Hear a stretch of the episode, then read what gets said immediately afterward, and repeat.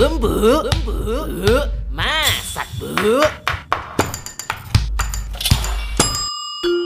Hei ibu-ibu, ketemu lagi sama Mas Yono di Bumbu, bu, masak bu. Seperti biasa, ada Mas Yono, artinya ada tips menarik untuk ibu-ibu yang ingin memasak. Dan hari ini Mas Yono punya tips untuk ibu-ibu yang ingin menggoreng kentang agar kentang gorengnya lebih renyah.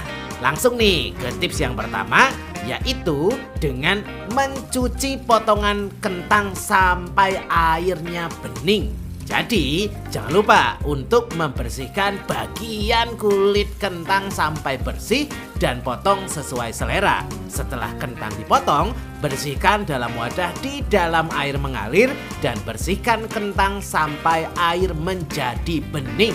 Lalu yang kedua adalah dengan menyimpan kentang 30 menit di kulkas. Setelah kentang dicuci bersih, pindahkan kentang dalam wadah yang sudah diberi air dingin atau air dan es batu. Tambahkan juga perasan lemon yang bertujuan untuk menghambat oksidasi pada kentang, juga membuat tekstur luar kentang menjadi crispy ketika digoreng.